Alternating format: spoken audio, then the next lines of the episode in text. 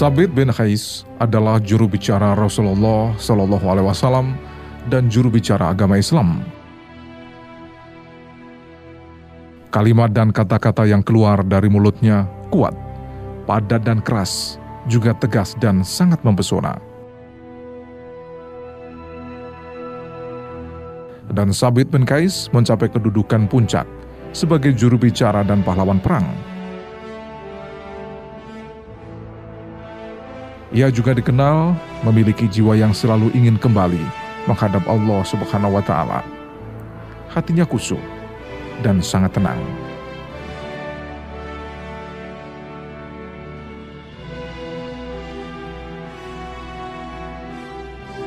Sabit bin Kais adalah seorang muslimin yang paling takut dan pemalu kepada Allah.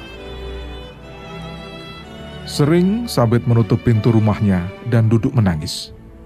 Dia baru beranjak ketika Rasulullah Shallallahu Alaihi Wasallam memanggil dan bertanya beberapa hal kepadanya.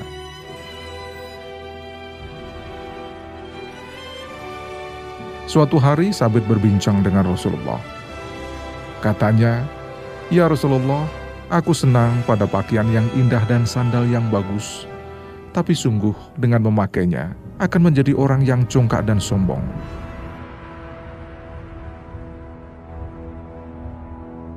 Rasulullah Shallallahu Alaihi Wasallam menjawab sambil tertawa, engkau tidak akan termasuk dalam golongan mereka itu.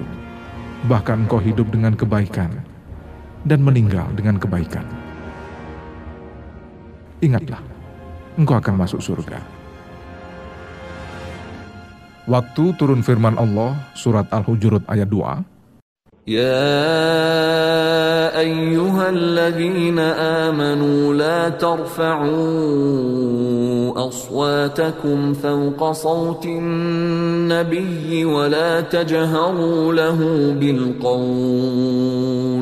ولا تجهروا له بالقول كجهر بعضكم لبعض أن تحبط أعمالكم وأنتم لا تشعرون Wahai orang-orang yang beriman, janganlah kamu meninggikan suaramu melebihi suara Nabi, dan janganlah kamu berkata kepadanya dengan suara keras, sebagaimana kerasnya suara sebagian kamu terhadap yang lain. Nanti pahala segala amalmu bisa terhapus, sedangkan kamu tidak menyadari. Rasulullah bertanya kepadanya, "Mengapa engkau tidak kelihatan selama beberapa hari?" Lalu Sabit menjawab, "Sesungguhnya aku seorang manusia yang mempunyai suara keras, dan sesungguhnya aku pernah meninggikan suaraku lebih dari suaramu, wahai Rasulullah. Karena itu, tentulah amalanku menjadi gugur dan aku termasuk penduduk neraka. Rasulullah kemudian menjawab, Engkau tidaklah termasuk salah seorang di antara mereka. Bahkan kau hidup terpuji dan nanti akan berperang sampai syahid hingga Allah Subhanahu wa taala memasukkanmu ke dalam surga.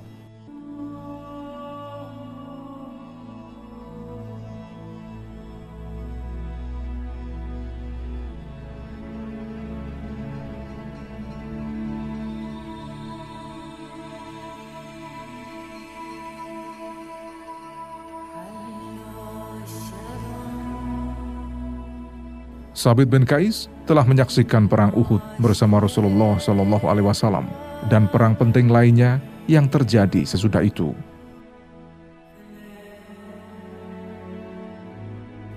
Corak perjuangannya sangat menakjubkan. Dalam peperangan menumpas orang-orang kafir dan murtad, ia selalu berada di barisan depan, membawa bendera Ansor dan menebaskan pedangnya yang tak pernah tumpul.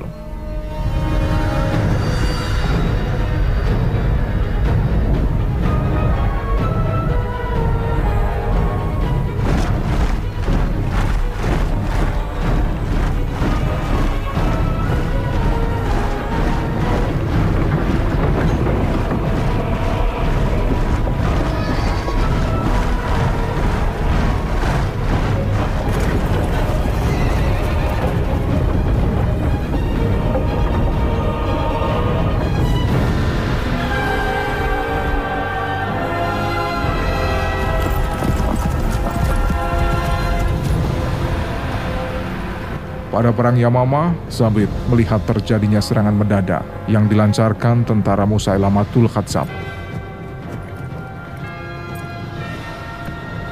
Maka ia berseru dengan suaranya yang keras untuk memberi peringatan. Demi Allah, bukan begini caranya kami berperang bersama Rasulullah Shallallahu Alaihi Wasallam.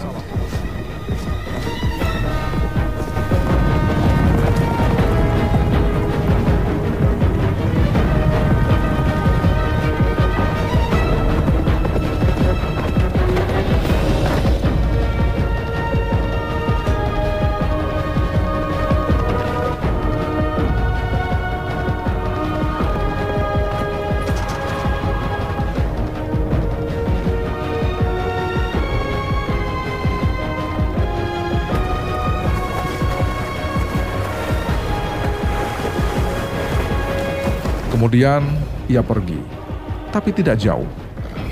Ia lalu kembali dengan membalut badannya dengan kain kafan. Kemudian ia berseru kembali, Ya Allah, sesungguhnya aku berlepas diri kepadamu dari apa yang dibawa mereka. Aku memohon ampun kepadamu ya Allah dari apa yang diperbuat mereka, yakni kaum muslimin yang kendor semangat dalam peperangan ini.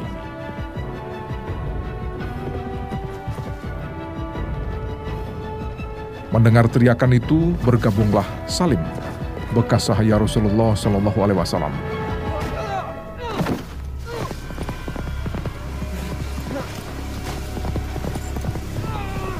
Keduanya lalu menggali lubang yang dalam untuk mereka berdua.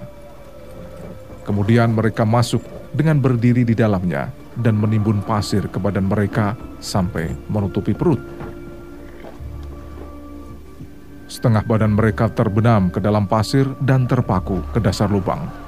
Sementara setengah bagian atas dadanya, kening, dan kedua lengan mereka siap menghadapi tentara penyembah berhala.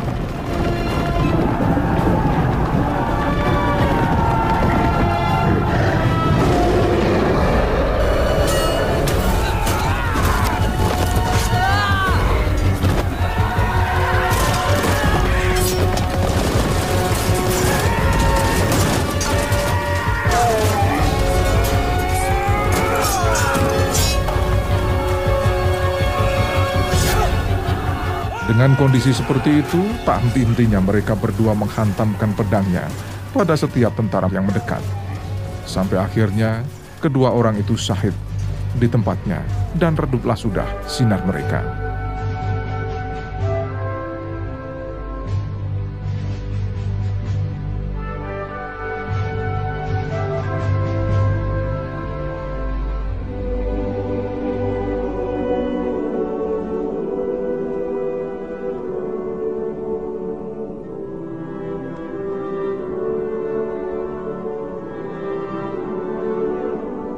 Peristiwa sahidnya kedua pahlawan itu bagikan pegikan dahsyat yang menghimbau kaum muslimin agar segera kembali kepada kedudukan mereka. Tentara kafir dan musyrik itu mati tersungkur, menutupi tanah bekas mereka berpijak.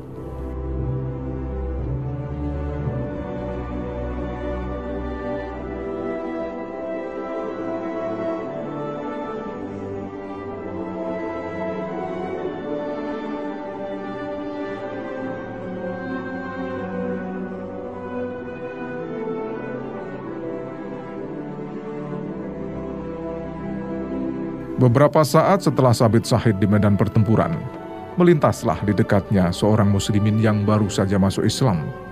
Dan ia melihat tubuh Sabit masih ada baju besinya yang dinilai sangat berharga. Maka orang itu lalu mengambilnya, karena ia berpikir tidak ada masalah mengambil sesuatu milik orang yang sudah mati.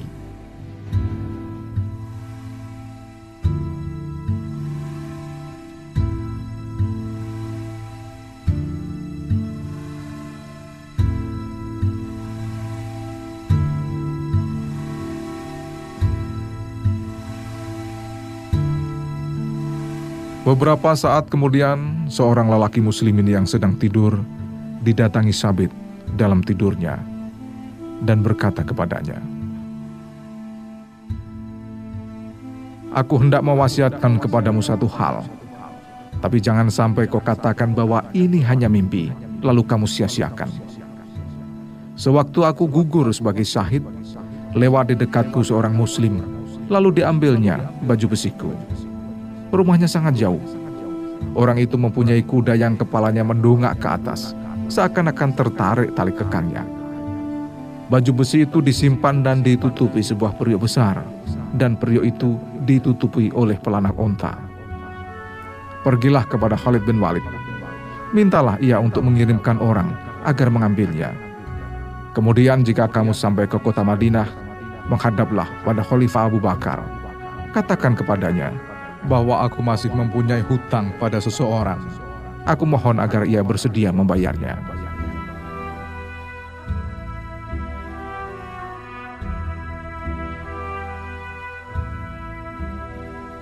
Maka sewaktu laki-laki itu terbangun dari tidurnya, ia menghadap Khalid bin Walid dan diceritakan mimpinya itu.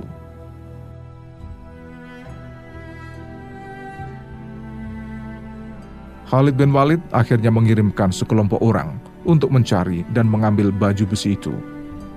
Dan memang akhirnya mereka menemukan persis seperti apa yang digambarkan dengan sempurna dalam mimpi Zaid bin Khais.